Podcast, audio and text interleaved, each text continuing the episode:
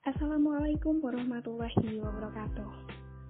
Hai Sobat Mansani, balik lagi di podcast First Journalistik Mandua Kota Kediri. Kenalin, aku Virus Putri dari kelas 11 Bahasa. Gimana nih kabar kalian? Udah maulid Nabi lagi aja nih? Apa tradisi perayaan peringatan maulid Nabi yang paling kalian ingat dan selalu kalian tunggu-tunggu? Di Indonesia sendiri, perayaan maulid Nabi jatuh setiap tanggal 12 Rabiul Awal dalam penanggalan Hijriah. Kata maulid atau milad dalam bahasa Arab berarti hari lahir. Maulid Nabi atau maulud saja memiliki arti hari lahir Nabi Muhammad. Setiap daerah di Indonesia punya ciri khas sendiri dalam memperingati maulid Nabi. Kalau di tempatku, waktu aku SD atau SMP dulu, kita sering disuruh bawa nasi kotak waktu ada peringatan maulid Nabi. Habis doa bersama, kita makan nasi kotaknya bareng teman-teman di kelas.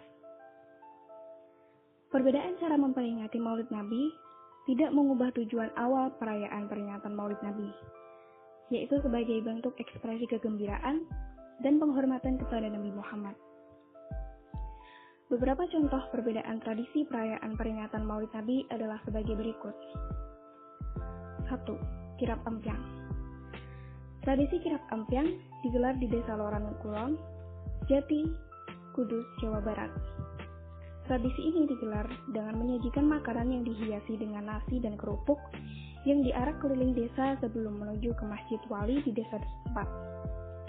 Sesampainya di Masjid Wali, tandu yang berisi nasi bungkus serta hasil bumi diarak keliling desa dan didoakan kemudian dibagikan kepada warga setempat untuk mendapatkan berkah. Yang kedua ada muluden. Muluden kerap digelar oleh warga Pulau Madura, Jawa Timur. Acara Muluden biasanya diisi dengan pembacaan riwayat hidup Nabi dan sedikit selingan ceramah keagamaan yang isinya menceritakan kebaikan sang Nabi semasa hidupnya untuk dijadikan pegangan hidup. Yang ketiga ada Ngalungsur Pusaka.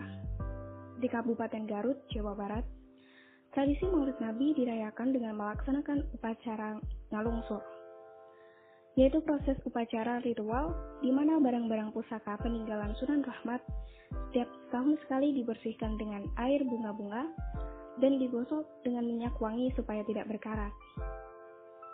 Yang keempat, ada bunga lado. Bunga lado digelar di Padang Pariaman, Sumatera Barat.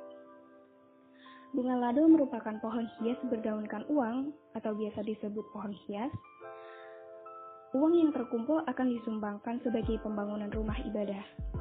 Tradisi ini biasanya digelar secara bergilir di beberapa kecamatan. Yang terakhir ada walimah.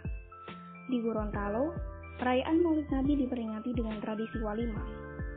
Masyarakat muslim menyiapkan kue-kue tradisional yang disusun sedemikian rupa dan diarak dari rumah menuju masjid terdekat.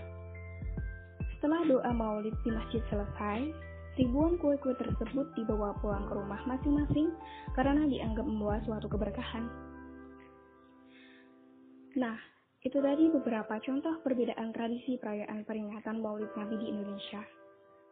Sebenarnya, kalau dikulik lebih dalam lagi, banyak banget tradisi perayaan peringatan Maulid Nabi. Mulai dari yang sesederhana doa bersama, sampai menyiapkan hidangan untuk satu desa. Walaupun begitu, banyaknya jenis perayaan punya satu tujuan yang sama, yaitu untuk memuliakan Rasulullah Shallallahu Alaihi Wasallam. Sekian dulu podcast episode minggu ini. Semoga isi yang disampaikan bisa bermanfaat. Sampai jumpa di episode selanjutnya. Wassalamualaikum warahmatullahi wabarakatuh.